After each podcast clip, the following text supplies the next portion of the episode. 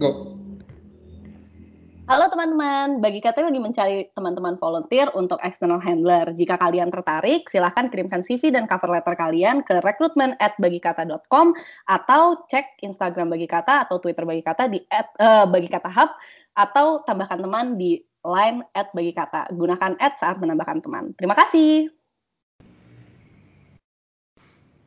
Gua akan tetap pakai yang pertama sih. Udah, terserah. Fine. Uh, lo emang udah dibuka sekarang ya? Punya Anda kurang keras? Kurang tahan lama? Gunakan semen tiga jaya. Dipastikan bangunan Anda akan lebih tahan lama dan kokoh, kuat, terpercaya, dan tidak mudah patah.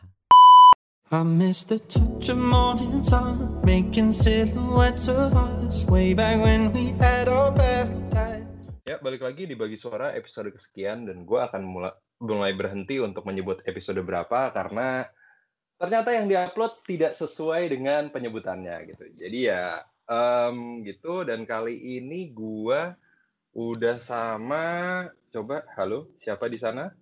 Halo halo. Eh, gue udah sama Sarah Suprapto yang merupakan apa nih? Um, lo kan agak multi talenta. How, how would I call you? Lo tuh seorang apa sekarang?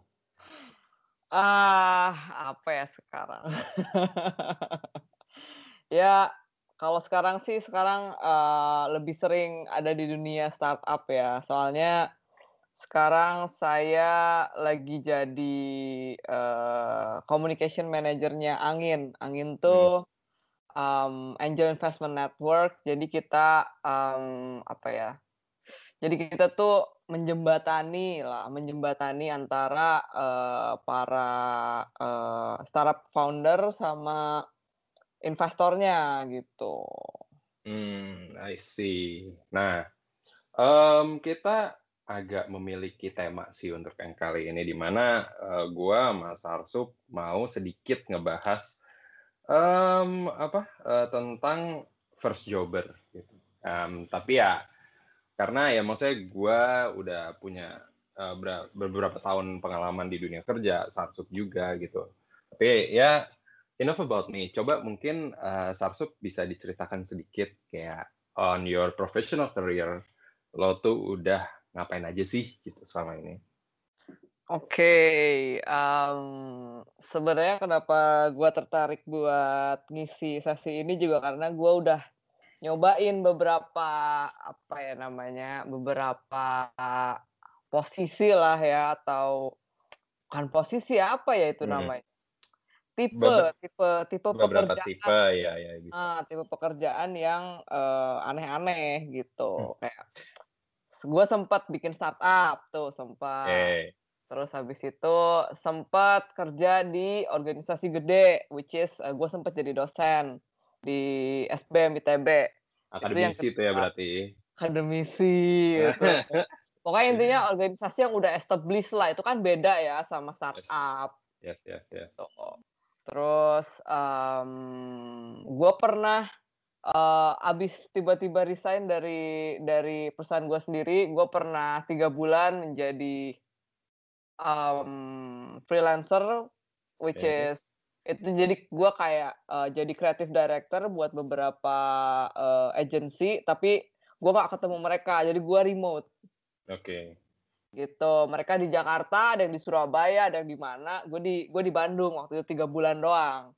Habis itu bosen kan gue habis itu gue bosen terus gue ketemu deh sama angin ini. Nah kalau angin iya. tuh startup yang enggak startup sebenarnya startup yang enggak startup ya ya ya ya bisa bisa bisa startup yang enggak startup kalau kalau soalnya udah dapat funding kalau startup gue dulu emang beneran startup oke okay. yang yang kesulit ya, su ya kita sama-sama tahu lah bagaimana sulitnya mencari sulit-sulit mudah sih untuk sebagian orang mencari funding untuk memulai startupnya. Ya gitu. benar benar benar. Oke, okay. nah um, berarti tadi yang lo mention itu yang lo menjadi founder dari startup lo sendiri adalah si Laboratorium Ekonomi Kreatif. Uh, mungkin bisa dijelasin sedikit uh, si laboratorium ekonomi kreatif ini apa sih? Oke, jadi awalnya sebenarnya, eee, ini tuh studio kreatif. Jadi kita bikin cerita, eee, buat, mmm, webtoon, Oke. webtoon li line webtoon. Mhm. Nah, itu tapi waktu itu kita, eee, kekurangan dana.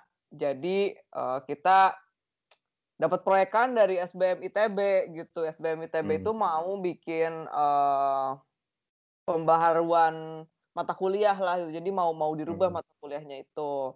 Nah, Mhm. terus kita ditunjuk langsung tuh sama sama founder-nya SBM ITB buat kerjain, eee, perubahan mata kuliah itu, gitu. Nah, habis itu, eee, ternyata si pekerjaan ini juga, eee, yang di SBM ITB itu, eee, membuahkan hasil lah intinya gitu, nggak cuman nggak cuman kita bisa dapat beberapa, eee, apa namanya, dana buat, eee, studio kita, tapi juga Mhm. tapi juga, eee, jadi banyak portofolio yang kita bisa dapat di sini. Kayak misalnya pengalaman buat ketemu, mahasiswa-mahasiswa yang nggak tahu nih gimana cara, eee, bikin bisnis gitu-gitu. Nah, Mhm. sebenarnya dari dari dari dari si, eee, pengembangan mata kuliah ini yang sebenarnya, eee, itu tuh riset, apa Mhm. tuh namanya, kita bikin Nah, dari situ tuh, eee, mulai muncul peluang bisnis. Jadi jadi kita jadi sempet juga nerima proyekan dari Bekraf, eee, dia mau bikin modul, eee, pembelajaran buat, mmm, apa namanya, buat creative entrepreneurs, eee, buat ngembangin bisnisnya, eee, buat scaling up bisnisnya gitu. Itu Mmm. kita dapet. Nah, laboratorium ekonomi kreatif itu sebenarnya ngerjain, eee, yang sebelah sana, tapi itu dibuat setelah, eee, kita tuh, eee, dapat proyekan dari SBM, sebenarnya kayak I gitu. Jadi see. kayak kayak apa ya, intinya kayak lab li laboratorium risetnya lah dari si studio kreatif ini, yang juga sebenarnya konsentrasinya di kreatif ekonomi, kayak gitu. Oke. Nah, mmm, terus lo kenapa habis itu decide to stop stop or quit doing that gitu? Sebenarnya, mmm, I'm not I'm not stopping gitu, makanya Ah, gua oke. keluar gitu. Kalau gua di sana gua malah stop, sebenarnya nggak Mmm. maksudnya. Karena pertama, mmm, we don't have enough resources Mhm. dan kita decide buat ngembangin si studio kreatif instead of the, mmm, laboratorium ekonomi kreatif. Kebayang nggak sih bedanya apa? Studio kreatifnya tuh namanya Mmm. Pabrik Konten Indonesia, terus yang satu itu laboratorium ekonomi kreatif. Nah, Oke. sebenarnya, mmm, kita nggak punya resources terlalu banyak. Jadi, eee, kita decide buat ngembangin si Pabrik Konten Indonesia, which is itu bukan, eee, kemauan gua gitu. Gua emang pengen ke wilayah yang lebih pengembangan gitu, kayak ke apa namanya, kayak sebenarnya kerja sama sama NGO atau Yes. misalnya sama pemerintah, pokoknya hal-hal yang berbau pengembangan. Sedangkan kalau si Pabrik Konten Indonesia ini, eee, dia lebih ke ya bikin cerita gitu, bikin bikin studio kreatif. Sebenarnya sama sih basis pemikirannya, tapi stakeholder-nya beda gitu dan kita see. lagi nggak punya resources untuk itu, gitu. Jadi kayak mendingan, eee, waktu itu gua decide buat keluar. Oke. Karena emang, eee, beda visi dan tadinya gua kerja bareng sama co-founder gua kan, tapi dia juga mau konsentrasi ke belah sana. Jadi gua nggak kuat kan ngerjain sendiri dan gua nggak punya resources, jadi gitulah. Oke oke. Jadi, mmm, berarti sekarang si agak agak an agak ini ya, singkatannya kalau disingkat Pabrik Konten Indonesia PKI ya? Eee, apa namanya, Ini pasti gue gue yakin gue yakin gue yakin sengaja nih pasti nih, sengaja nih pasti namanya.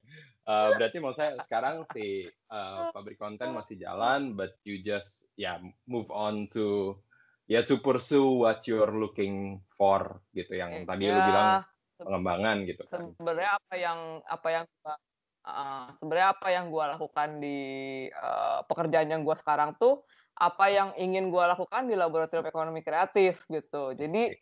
mmm, gua hap gua happy sih karena sekarang akhirnya gua bisa ngerjain apa yang gua mau justru, kayak gitu. Nah terus, nah kan kita mau ngebahas soal um, first jobber nih. Berarti um, setelah lo dulu lulus dari uh, lo lulus dari FSRD ETB kan? Mm-mm. Nah, habis itu um, apa sih yang dulu lo persiapkan gitu ketika lo ya lo udah mau either udah mau kelar atau setelah kelar dari kuliah untuk ya itu kayak nyari kerjaan pertama atau do your thing. Oh, oke. Ini tuh agak lucu sebenarnya kalau kalau kalau pengalaman gua ya. Cuman gua bahas Mhm. dari aja deh dari dari yang generalnya gitu kan. Biasanya orang-orang sih pengennya apply kayak gimana kalau first job. Ya kalau kalau kalau dari gue sih sebenarnya jangan terpatok sama eh, ngirim CV, Mhm. tapi look around you gitu. Apa sih sebenarnya yang pengen dikerjain gitu. Hmm. Kalau kalau buat sekedar nyari uang itu tuh gampang didapat sebenarnya nggak gampang juga sih. Tapi kalau lu nyari pasti didapat. Tapi apa sih yang sebenarnya pengen lo kerjain gitu? Apa karir yang pengen lo bangun gitu? Itu yang susah sebenarnya menurut gua gitu. Jadi um, your first thing to do is kamu mau kerja di bidang apa dan mau dikenal sebagai apa. Nah, habis itu baru uh, bikin plan lah mau apply ke mana yang bisa mendukung keinginan kamu itu kayak gitu. Nah, kalau gua dulu emang agak lucu. Jadi em, waktu itu tuh itu tuh gua habis pasar seni. Nah, Jerbat juga tahu Hmm. tuh pasar seni kayak gimana. Sebenarnya deh pasar pokoknya. seni itu pasar seni itu udah siapin sebagai part of uh, kerja nanti gitu. Tadinya gua mau Hmm. bikin uh, perusahaan konsultasi sosial media sendiri gitu. Tapi akhirnya gua Hmm. ketemu si uh, si founder si co-founder gua yang sama-sama ngebikin si pabrik konten Indonesia sama laboratorium ekonomi kreatif dari situ. Hmm. Nah, sebenarnya gue tuh dari dulu emang tertarik kerja sama dia. Jadi eh eh, dan waktu itu dia juga mau bikin em, waktu itu waktu itu masih startup teater gitulah, masih Hmm. startup teater. Terus waktu itu dia mau bikin itu si startup teater dan gue tertarik sebenarnya buat buat eh, bikin dia jadi klien gitu. Nah, caranya adalah ada beberapa temen gue yang kerja sama dia juga. Terus eh, gue bilang sama eh, si temen gue ini, eh gue mau bikin startup, eh, startup sosial media. Gue bilang kayak gitu ke si temen gue ini yang kerja juga sama si eh, ex co-founder gue.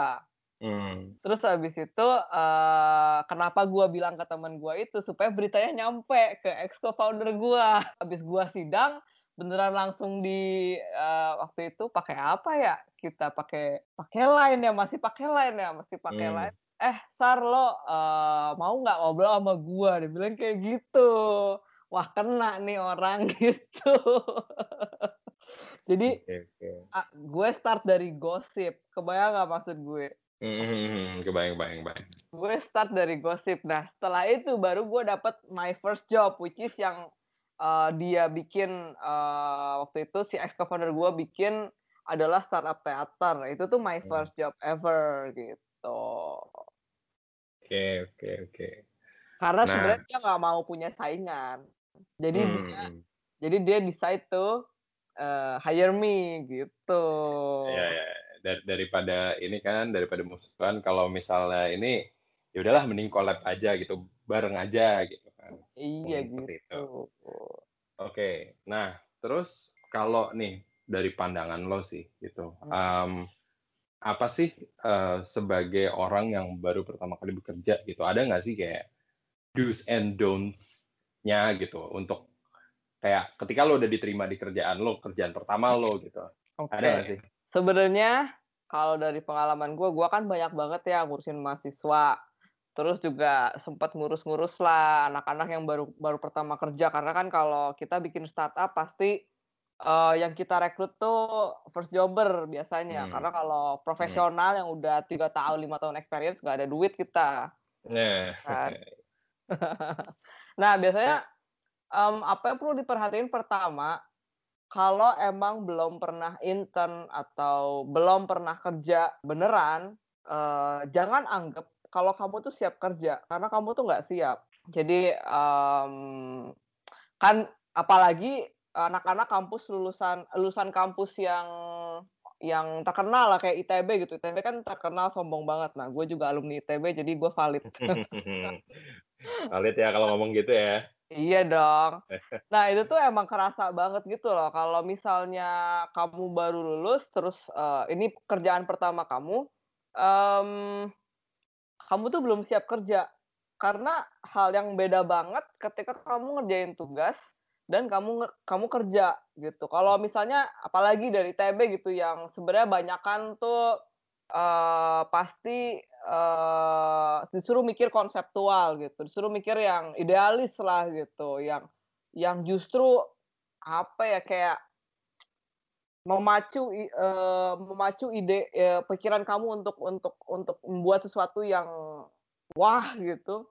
Nah kalau di kalau di kerjaan tuh nggak kayak gitu, itu tuh banyak batasan kayak misalnya ada resources, ada politik gitu, ada juga um, bisnis model yang harus kamu pahamin, terus Mhm. juga um, apa ya, yang justru bukan bukannya kamu kerjain tuh bisa jadi bukan bikin ide gitu, tapi administrasi gitu misalnya.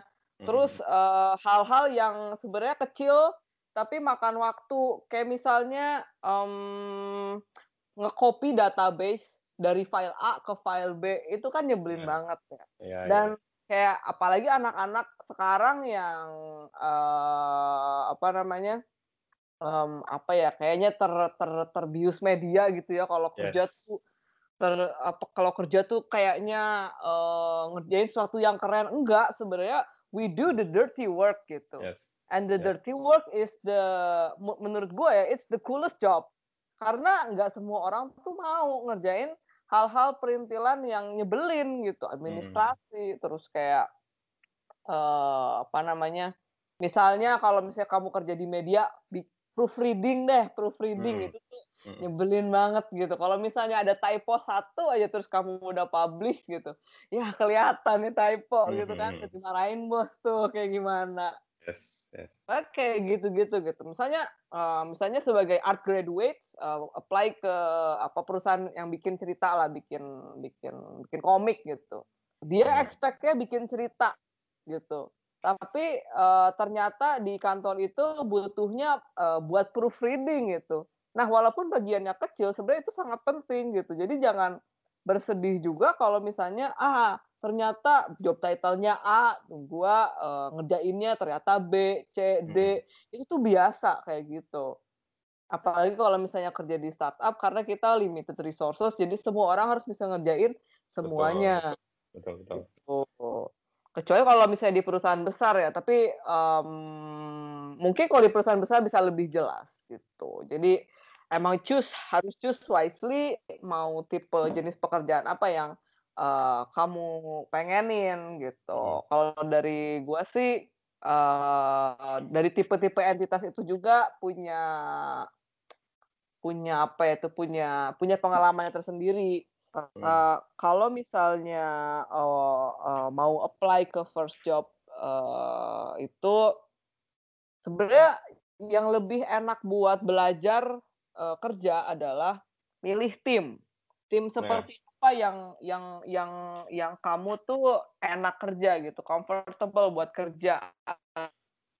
Eee, first boss itu tuh penting banget karena itu tuh nyetak sebenarnya, nyetak cara kerja gitu. Kalau misalnya bosnya nggak bagus di awal, eee, ke sananya tuh profesional profesionalnya bisa jadi nggak kebangun. Jadi Hmm. gimana caranya cari bos yang bisa jadi mentor, itu tuh penting gitu. Dan harus cocok-cocokan juga sih bos Hmm. tuh. Jadi emang, eee, cari tahu bos kamu tuh siapa dan kira-kira dia tuh bisa ngaj eee, ngajarin kamu apa. Jadi kayak secara relation juga, eee, you know what to expect to her or him gitu. Dan itu tuh bakal nyetak kamu banget untuk, eee, ngebangun karir gitu. Kayak kayak gua kayak gua dulu, eee, bos gue yang pertama sebenarnya ex co-founder gua. Mhm. Nah, dia tuh, mmm, orang yang sebenarnya banyak ide. Jadi jadi gua tuh biasa banget kelempar ide yang aneh-aneh gitu. Jadi ketika gua kerja di tempat lain, gua tuh sering banget ngelempar ide yang sebenarnya kadang-kadang nggak semua orang bisa accept gitu. Betul. Jadi ada plus minusnya juga gitu. Tapi uh, bos gue yang dulu ini juga uh, sangat detail lah gitu, sangat detail uh, buat bikin dokumen gitu, bikin deliverables gitu. Itu tuh harus perfect banget gitu. Nah itu juga nular nih ke ke apa namanya ke kerjaan gue sekarang karena sekarang. jadi yeah. kebiasa gitu. Gue gue jadi kebiasa uh, karena kita direct sama klien jadi kayak uh, ngelihat ngelihat perusahaan gue kerja sekarang tuh kayak klien gue ini harus harus perfect dari deliverables gue kayak gitu itu tuh harus uh, apa namanya itu bakal mempengaruhi lo ke depannya uh, buat uh, berperilaku lebih lanjut lagi di di karir selanjutnya gitu. Yes, dan nggak tahu ya, gue kalau dari pengalaman pribadi gue, gue melihat uh, apa ya beberapa uh, anak-anak sekarang gitu kayak mereka ya kita tahu loh banyak banyak kayak start bukan startup bahkan mereka ya perusahaan-perusahaan teknologi yang let's say kayak Tokopedia, Shopee, Gojek dan sebagainya tuh itu it's like a dream job untuk anak-anak zaman sekarang kan kerja di sana mau jadi apa pun itu. Cuman yang barusan lo ceritain ini adalah salah satu faktor yang mereka suka lupain gitu. Kayak mereka kayak ketika lo interview dengan user itu bukan cuman user cocok-cocokan sama lo, tapi ya lo juga cocok-cocokan nih sama usernya. Kalau karena banyak yang first impression, gue beberapa kali dengar cerita kayak first impression ketika interview si dia dan si user, dia merasa nggak cocok.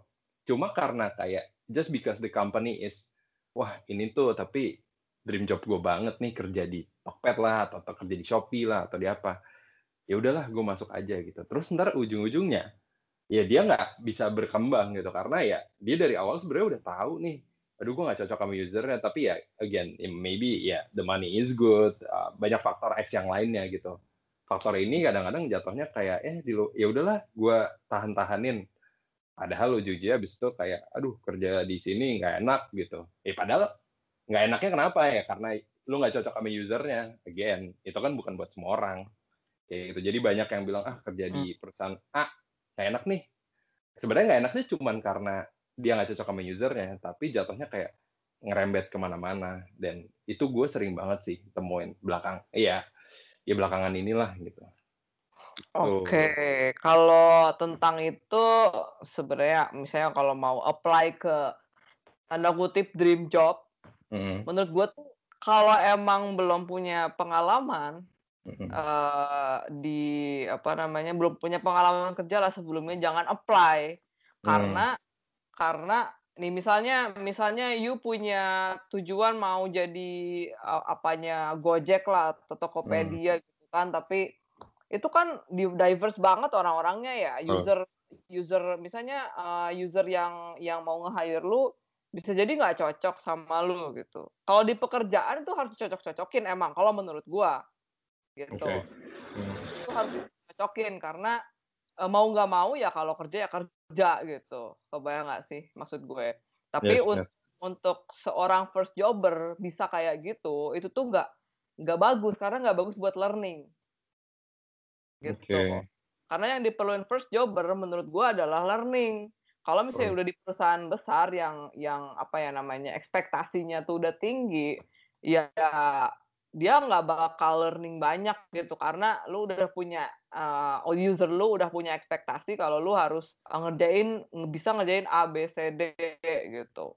Tapi kalau misalnya dia uh, bisa dapat lingkungan kerja yang uh, bisa support dia lebih hmm. awal hmm. itu lebih bagus karena dia jadinya punya punya idea gitu. Oh, gua tuh gaya kerjanya seperti ini. Oh, gua tuh cocoknya sama user A, user B. Misalnya menurut, menurut gua sih kayak gitu gitu.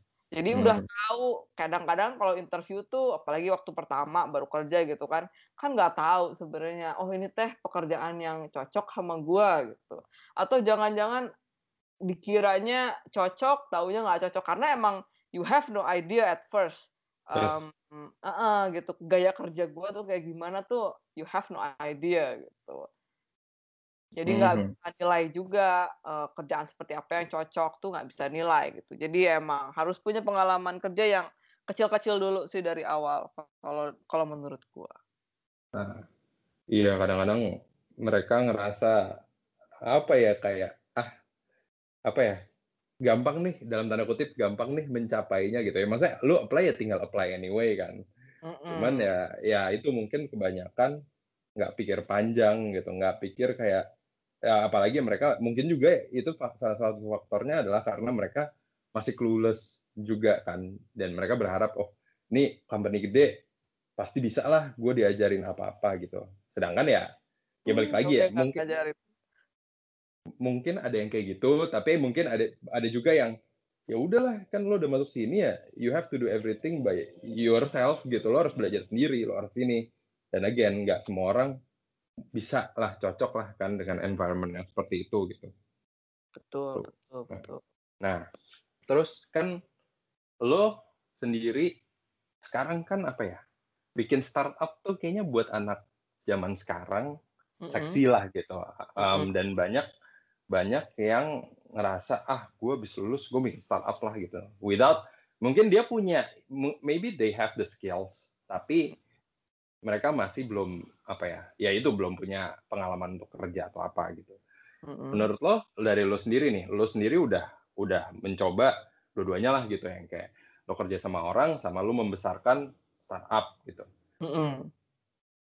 ada nggak em, apa ya ide ya kayak rekomendasi lo atau kayak dari pandangan lo sendiri misalnya kayak oke lo kalau lo masih muda dan lo berani bikin startup tuh lo harus gini-gini dulu atau kayak ya udahlah yang kalau emang lo masih muda dan masih nol pengalaman kerja you better to ya find your experience first Oke.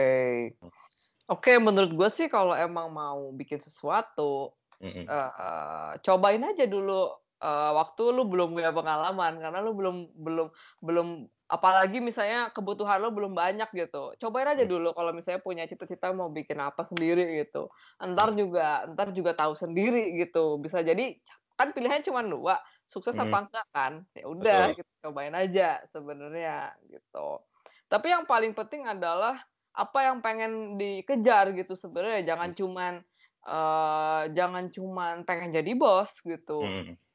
Karena itu adalah peker jadi bos tuh pekerjaan yang berat gitu gue Hmm. pernah kok maksudnya gue jadi nggak nggak ngomong sama temen gue atau tadinya sahabat deket jadi jadi nggak pernah eh, ya kayak kayak balas WhatsApp aja nggak mau gitu tuh Hmm, hmm, gara-gara gara-gara eh, waktu itu gue jadi eh, atasannya dia padahal posisinya dia adalah sahabat gue gitu jadi Mm. waktu itu ada clash eh, intinya intinya sih kayaknya ya nggak bisa bedain lah antara profesional sama personal intinya kan kayak gitu nah gue Hmm. gue sempet juga kayak gitu gitu dan jadi bos tuh kadang-kadang harus eh, harus tahan buat dibenci gitu karena em- karena ya dari dari semua apa ya dari semua pekerjaan gue yang pasti sering diomongin tuh bosnya gitu Mm. kayak nah yang kayak gitu-gitu sebenarnya emotional intelligence sih kalau kalau kalau buat gua ya eh, buat jadi buat jadi leader tuh harus bisa ngatur eh, ekspektasi ke diri sendiri juga harus bisa ngatur ekspektasi ke orang lain karena kalau enggak tuh stres banget. Gua dulu eh, perbedaannya perbedaannya ketika gua jadi eh, apa namanya ka- ketika gua bikin startup sama sama gua kerja adalah waktu gue bikin startup gue tuh selalu anxious. Mm. kayak tiap hari tuh anxious pasti. Kayak nggak mungkin enggak gitu kenapa tuh anxiousnya tuh? anxiety is your friend karena pertama gini deh buat ngelihat apa tuh namanya eh, financial projection gue tuh Hmm. nggak tahu bulan depan tuh gue bisa ngegaji karyawan gue apa enggak karena itu masih startup startup startup Hmm. kecil lah kita masih eh, proyekan tuh masih bootstrapping gitu nggak ada funding gitu Mhm. Per lihat kuartal per tiga bulan tuh kita nggak tahu gua aja nggak tahu gua bisa masih bisa ngegaji diri sendiri gu- diri sendiri atau enggak gitu itu sih pertama deg-degan yang kedua apa ya kayak ngerasa banget kalau masa depan tuh nggak certain kan Hmm. kita hadapan langsung tuh sama klien kita yang Hmm. pitching langsung gitu uh, terus uh, kita harus project kan. Ini klien bakal iya atau enggak, terus bakal ngasih berapa, itu kan masuk ke dalam financial projection. Bisa Hmm. aja tadi ngomong iya, tahu-tahu besoknya nggak jadi. Itu tuh bisa aja gitu. Tadinya udah seneng, taunya tiba-tiba depresi lagi. Terus kayak itu tuh kayak naik turun banget mood tuh gara-gara kabar dari klien. Biasanya kayak Hmm. gitu. Tiba-tiba misalnya klien bilang eh atau apalah eh, sponsor gitu bilang, "Oh oke ini jalan." Wah itu langsung apa namanya mood tuh langsung naik gitu. Udah kayak udah kayak udah kayak habis pesta gitu kan. Oke oke oke. Nah, mmm, lanjut ke pertanyaan berikutnya aja dulu ya, sekarang kalau gitu. Oke oke. Slow. oke. Zaman sekarang, eee, banyak apa ya namanya, banyak kesempatan untuk tidak bekerja full time gitu. Either you call it part time, either you call it freelance gitu. Lo sebagai orang yang pernah di posisi itu gitu, mmm, ada nggak sih kayak tips tips-tipsnya buat ngerjain ya tips-tipsnya jika kayak, eee, orang decide kayak, "Ah, kayaknya freelance lebih enak daripada gue kerja full time yang terikat, yang mesti ke kantor dan lain sebagainya," gitu. Oke. Mmm, oke. Sebenarnya balik lagi sih pertama emang harus tahu dulu style kerja style kerja, eee, style kerja kamu tuh kayak gimana. Itu tuh penting banget gitu. Soalnya gini, kalau misalnya freelance atau gua nggak tahu ya freelance-nya ini dalam artian, eee, freelance ke kantor atau nggak ke Hmm. kantor, tapi kalau Mhm. di pikiran gua freelance tuh remote working. Yes. Mhm. Jadi jadi you kerja di rumah gitu. Mmm. Nah, itu tuh sisi negatifnya adalah itu tuh sepi banget cuy. Itu tuh sepi banget, itu tuh nggak ada orang di samping lo gitu. Yes. Binder banget, binder. Itu tuh bisa banget, eee, maksudnya uang uang uang dari freelance tuh bisa banget lebih gede daripada full time loh. Itu tuh happens banget tuh gitu. Waktu gue pertama kali freelance, eee, abis gue sign out lah dari si, eee, startup gue, itu Mhm. gaji gue buat freelance pendapatan gue tuh 2 kali lipat. Mhm. Gitu.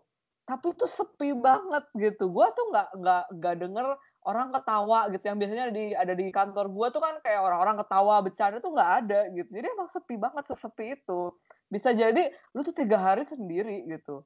Di mana di kamar gitu. Kalau misalnya Mhm. lu mau keluar gitu, mau ke kafe ya, eee, apa tuh namanya, itu bisa jadi better option atau misalnya, eee, mau ini co-working, apa tuh namanya, mau, eee, sewa iya sewa sewa co-working itu Mhm. mungkin jadi better option. Tapi, eee, beneran beneran kalau emang nggak suka sama sama suasana sepi gitu, terus harus konsentrasi sendiri, eee, independent work, itu tuh you will never work out, eee, being freelance, eee, professional gitu.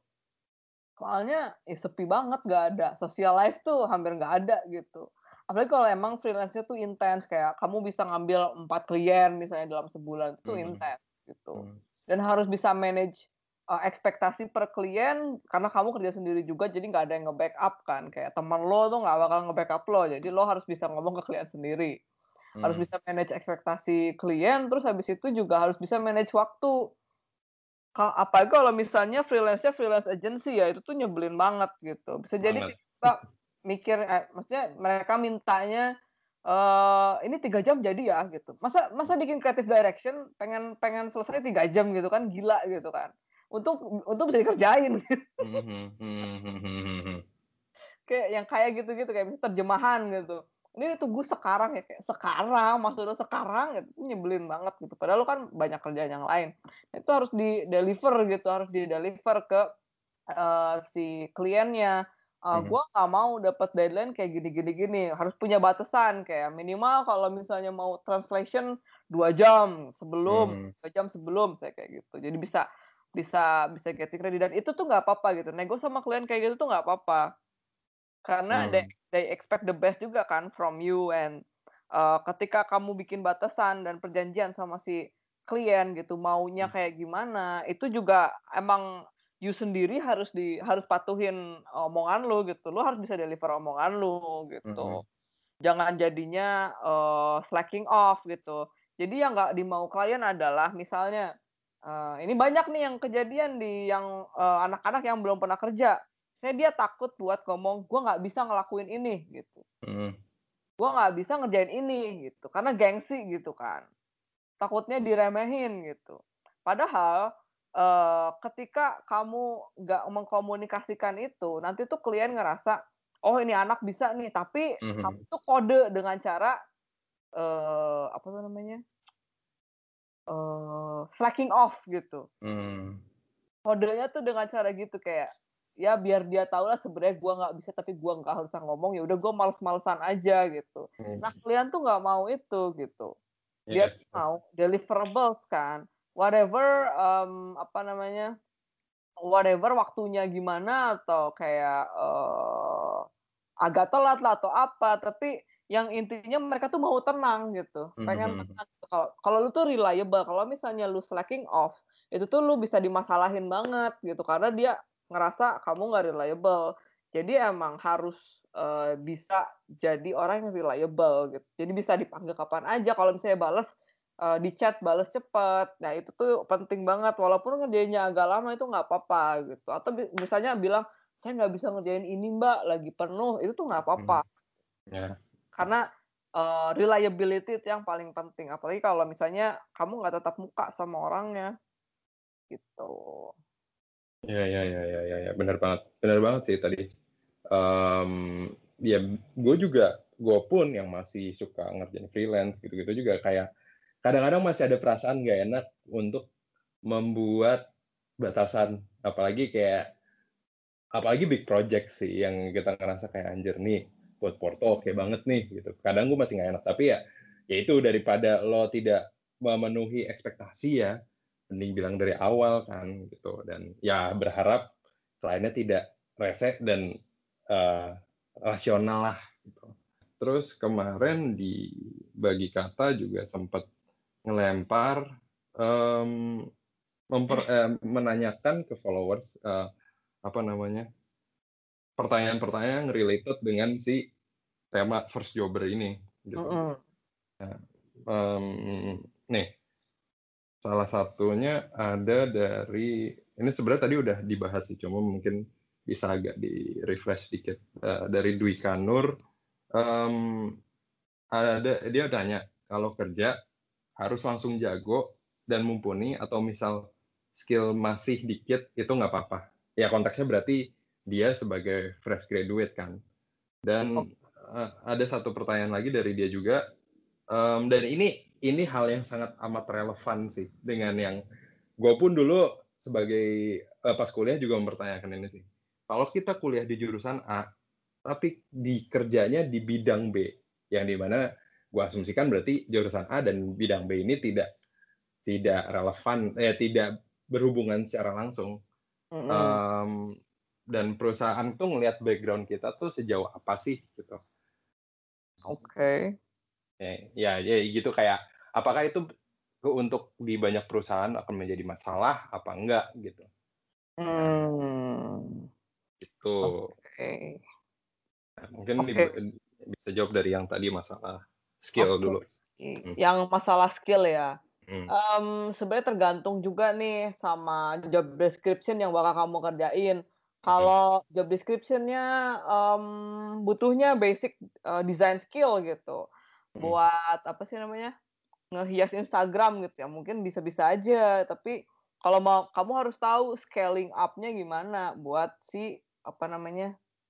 si eh, skill-nya Skill gitu kamu. cara-cara ngembangin skillnya gimana dari si pekerjaan itu gitu jadi tergantung lihat dulu si job description-nya. Emang harus tahu dulu jobnya tuh ngapain gitu. Kalau misalnya eh, si siapa namanya? Si eh, company company-nya kan juga lihat portofolio kan. Jadi dia Yes. juga harus tahu what to expect. Jadi siapin portofolio itu tuh penting banget.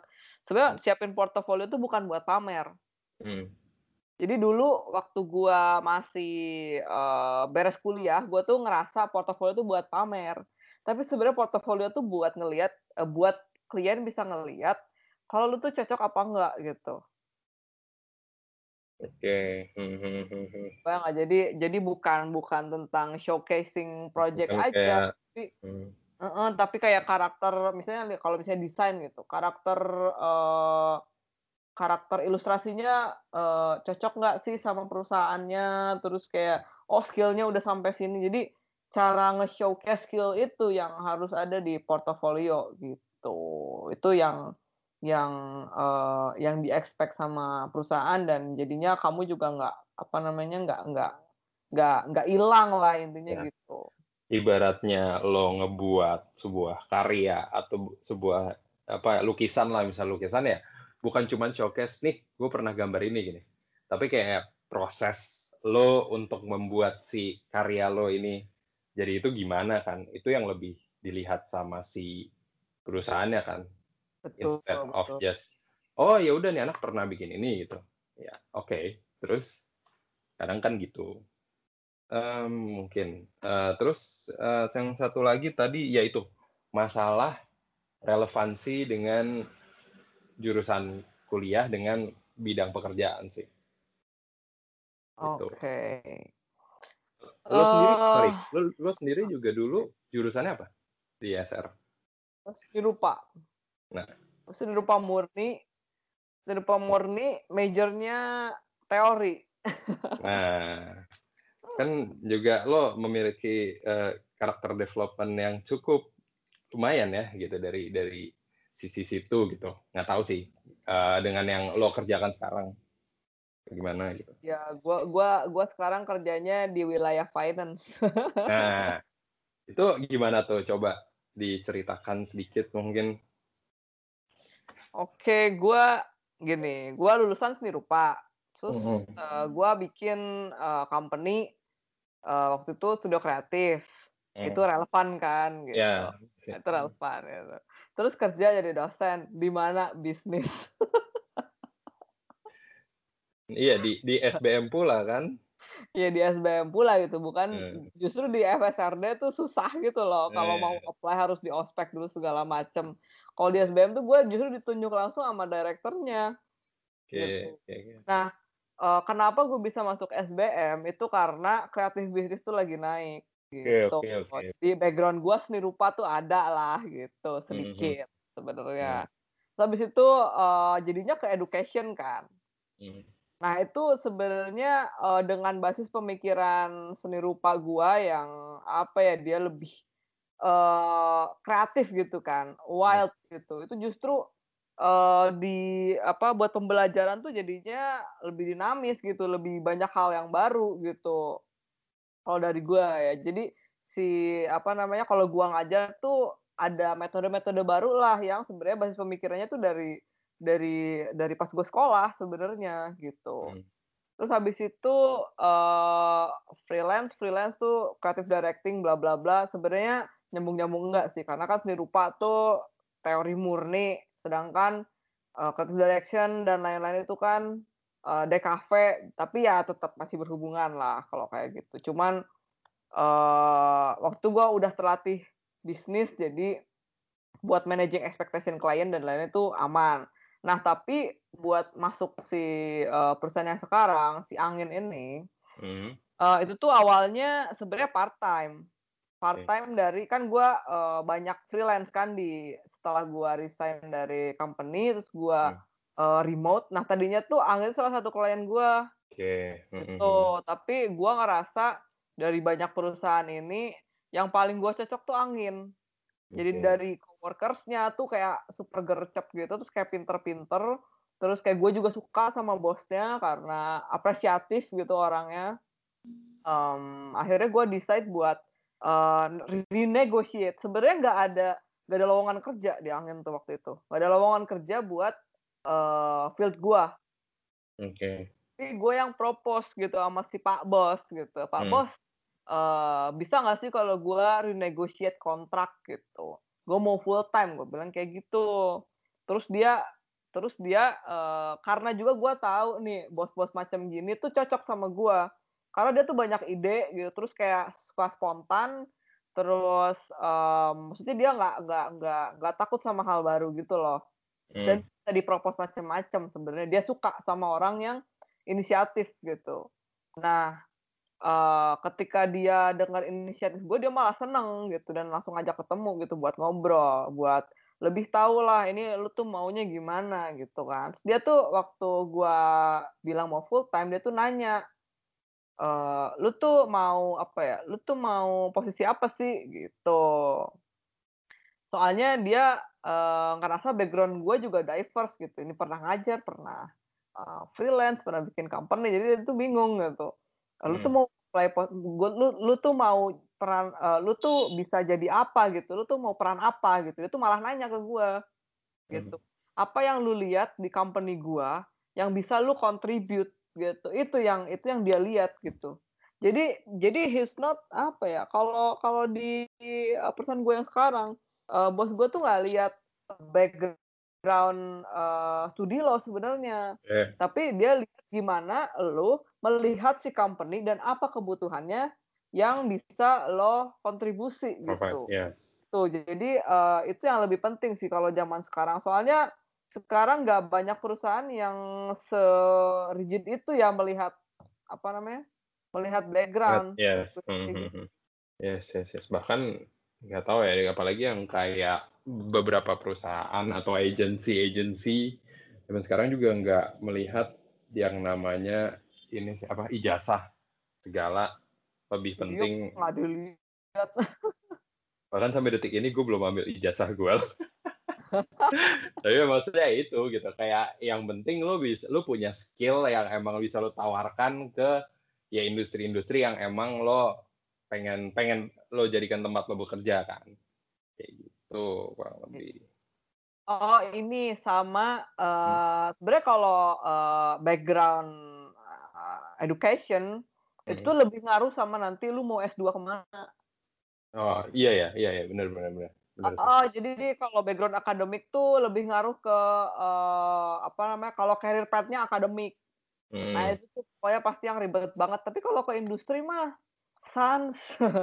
Yes, betul betul betul betul bener Gitu. sih. Iya, buat yang pengen melanjut masih pengen men melanjutkan studi ke jenjang yang lebih tinggi gitu kan. Ini mungkin lo bisa bisa ya bisa share dikit juga sih. Eee, ya satu pertanyaan terakhir dari X Oke. Layit, gimana cara beradaptasi dengan senior di kantor? Senior Sebagai di ya kantor. ya sebagai fresh grade gitu. Ada ada Oke. ada ada tips. Hmm, oke. Senior di kantor, ya ya ya ya. Mmm, sebenarnya sih kalau gua ya, kalau gua jadi lucunya gua tuh pernah nge-manage juga orang-orang yang jauh lebih tua daripada Mhm. gitu. Tapi itu waktu di SBM ya. Jadi kayak, eee, gua manage orang-orang S3 bahkan, karena gua kan koordinator waktu itu. Nah, Mhm. tapi pada intinya emang, eee, untuk nge-adjust kita sama senior, jangan jangan sotoy sih. Maksudnya lu bisa jadi leader yang baik, tapi, eee, gimana ya, menurut gua tuh senior tuh nggak apa-apa kalau misalnya, eee, lu suruh-suruh atau misalnya kayak lu nge-lead project-nya gimana, tapi, eee, in mereka malah seneng karena terbantu gitu kerjaannya. Kayaknya they don't give a shit about it gitu menurut kayak kayaknya beda beda sama ini juga, beda sama kampus juga gitu. Senioritas di kampus tuh beda sama di sama di pekerjaan. Kalau di pekerjaan tuh senioritas dibagi berdasarkan tanggung jawab, Mhm gitu. mhm. Jadi kalau misalnya you take out some of their responsibility, dia tuh malah seneng, gitu. Oke Sebenarnya cara cara cara menyenangkan senior paling paling gampang di dunia kerja adalah meringankan tanggung jawab dia, gitu. Mhm mhm. You take out some of, eee, his or her work. Jadi ya udah kayak ambil aja nih, udah nggak usah, apa namanya, lu nggak usah, eee, deg-degan sama urusan ini, gua gua aja yang urusin. Nah, itu tuh dia bakal seneng banget tuh kayak gitu. Kalau misalnya jadi junior yang, apa ya, junior yang ngeselin tuh kayak gimana ya, kalau di kerjaan ya? Junior yang ngeselin tuh apa ya, yang sotoy mungkin. Sot eh, bukan sotoy sih, mungkin merasa kayak, eee, ini case-nya kejadian di company gede sih, yang kayak lo Mhm. baru masuk, mungkin lo baru berapa lama gitu, mungkin sebulan, 2 bulan gitu, atau baru selesai probation bahkan, terus kayak, mmm, ada misalnya ada satu hal yang harus diselesaikan, ada misalnya ada masalah lah. Terus Mhm. Mhm. kayak lo punya ide untuk karena lo lo pernah menghadapi masalah ini kayak misalnya lo berorganisasi di zaman kuliah terus Mhm. kayak oh ini cara nyelesainnya gini aja nih gitu yang mana mungkin cara lo juga nggak sepenuhnya salah gitu. Bukan bukan salah bahkan mungkin juga cara lo mungkin dulu oke lah. Tapi ya when you already in a big company ya lo dan maksudnya apalagi ada orang-orang lebih senior dari itu kayak mungkin cara lo tuh belum tentu apa ya se apa ya sevisi bukan sevisi sih kayak pandangan orang lain melihat cara lo tuh sama gitu. Terus tapi lu ngotot ketika lu ngotot kayak ini tapi dulu gue case-nya pernah selesai gitu karena gue ngelakuin ini gitu. Nah itu mungkin jadi agak-agak agak-agak gimana ya agak-agak ya bukannya salah lo tapi kayak ya you can push your apa ya pandangan lo terhadap orang lain gitu. Apalagi kayak apalagi di perusahaan besar ya nggak sih? Mungkin Hmm, salah satunya kayak gitu ya nggak sih? Kalau menurut gue junior ngeselin tuh yang eh mis yang tadi gue bilang soal eh, slacking off. ya ya ya, ya Jadi- itu, jadi- juga, itu juga sih Jadi eh, ngakunya bisa ngerjain, tapi gua misalnya kasih deadline tiga tiga hari gitu, eh taunya seminggu belum kelar, nah itu ngeselin banget tuh, gua nggak suka banget yang kayak gitu. Gue jadi banyak kerjaan gitu. Gue jadi harus ngurusin doi gitu. Itu tuh males banget gitu. Ya. Gue tuh expect kalau misalnya gue punya junior, dia bisa bantuin. Ya. Eh ini dia malah apa ya kayak menambah menambah menambah. pekerjaan gitu. Padahal ya, gue bayar, udah gue kasih kesempatan, tapi dia ya, kayak ya. nggak bisa misalnya kayak gitu. Tapi ngakunya bisa tapi ternyata nggak bisa. Itu nyebelin banget sih. Usually dan yang ini gue gue gue nggak pernah ngalamin secara langsung ya tapi gue salah satu yang gue sering denger dulu dari cewek gue sih. Cewek gue pernah kerja di PR agency dan biasanya ini kejadian sama intern. Yang kayak intern begitu dikasih kerjaan ya misal ya kayak yang lo bilang tadi sebagai orang baru gitu, atau mi- misalnya intern kan biasanya kerjaannya juga nggak begitu banyak gitu. Tapi Hmm. begitu dikasih kerjaan ibaratnya tanggung jawab lebih ditanya tapi lu bi- pasti nggak ya sebagai salah satunya sebagai senior yang baik juga pasti nanya dulu kan lo bisa nggak tapi ngerjain ini? gitu. Eh, terus pas nah itu ya, yang lo kayak lo bilang barusan slagging off pasti dijawabnya bisa. Padahal kenyataannya tuh kebanyakan kayak ujung-ujungnya either deadline-nya lewat atau kayak lo dikerjain tapi nggak sesuai dengan ekspektasi gitu. Itu kayak ya itu case-nya ya kayak tadi yang lo bilang gitu kayak karena nggak enak atau takut atau ntar dianggap aduh eh, ntar gue dianggap nggak becus lagi nih kalau nggak bisa. Padahal kan nggak selalu gitu case-nya gitu kalau bilang. Bener. Justru becus gak becus tuh tergantung attitude kerja menurut gua. Mhm. bukan tentang bisa nggak bisa. Yes yes. Gitu. Dan apalagi kebanyakan dan kebanyakan juga takut nanya sih. Takut nah iya bener nanyanya itu. takut gitu. Nanya. Sedangkan ya maksudnya lo kerja ya kerja tuh tempat belajar lo juga nggak sih? Apalagi lo untuk lo yang masih baru kerja gitu. Gua aja yang udah kerja bertahun-tahun juga ngera- masih ngerasa banyak yang masih mesti gue pelajari sambil eh, berjalan kerjaannya gitu. Itu sih. Mungkin. yes yes yes yes yes Nah, em, ini udah agak lumayan lama ya nih, kayaknya hampir sejam. Ada nggak, I don't know, something yang mau lo promote kah atau kayak eh, pesan-pesan untuk adik-adik yang mungkin sebentar lagi lulus atau mungkin sekarang sedang mencari tempat kerja gitu. Oke, kalau dari gue, um, being a startup founder is uh, a hard work. Tapi kalau emang mau nyoba, cobain aja gitu. Karena sebenarnya susahnya karena pertama harus kuat secara emosional, yang kedua harus kuat secara resource gitu. Tapi um, being an employee is not that bad juga gitu. Walaupun ada beberapa apa ya, kayak misalnya lu harus lebih careful gitu kayak waktu gue Hmm. jadi startup founder itu gue nyablak aja kalau ngomong gitu. Kalau sekarang gue nggak bisa. Ya, nah, be- Ribet. karena beda-beda beda juga kan ininya eh, environment-nya gitu. ya gitu. Terus kayak em, kalau misalnya reputasi lu jelek juga nggak bagusnya ke perusahaan eh, lu yang seben eh, perusahaan yang mempekerjakan lu gitu, which is nggak bagus kan gitu. Hmm. Tapi eh, as long as kamu bisa ngerjain apa yang kamu mau as long as itu tuh minat kamu dan uh, apa ya pokoknya apa yang mau kamu lakukan tuh ada di pekerjaan kamu it should be fine gitu. It should be good kayak you will love your job. Kalau misalnya mau ngembangin ekonomi kreatif gitu hmm. uh, itu terserah lu mau bikin startup sendiri lu mau jadi employee lu mau jadi freelancer segala macam. As long as you do that uh, mission you will you will love it. Itu buat gua ya gitu. Karena gua gue lebih mission apa ya lebih mission uh, driven gitu orangnya. Jadi uh, buat gue yang paling penting adalah gue tuh kerja buat apa sih gitu. Hmm. it doesn't matter the the money doesn't doesn't really matter walaupun matter juga sih sebenarnya. Tapi um, misinya tuh apa ngerjain ini gitu. Yes yes yes. Oke okay, deh. Kalau begitu um, terima kasih Sarsup untuk waktunya sharing-sharing di bagi suara episode kali ini dan um, ya gua Jerbat. Iya, gua Sarsup. Oke, sampai ketemu di episode-episode selanjutnya. Bye. Bye. Terima kasih telah berbagi suara. Bukan, dengar, dengarkan ceritanya di bagi suara. Ya udah itu boleh.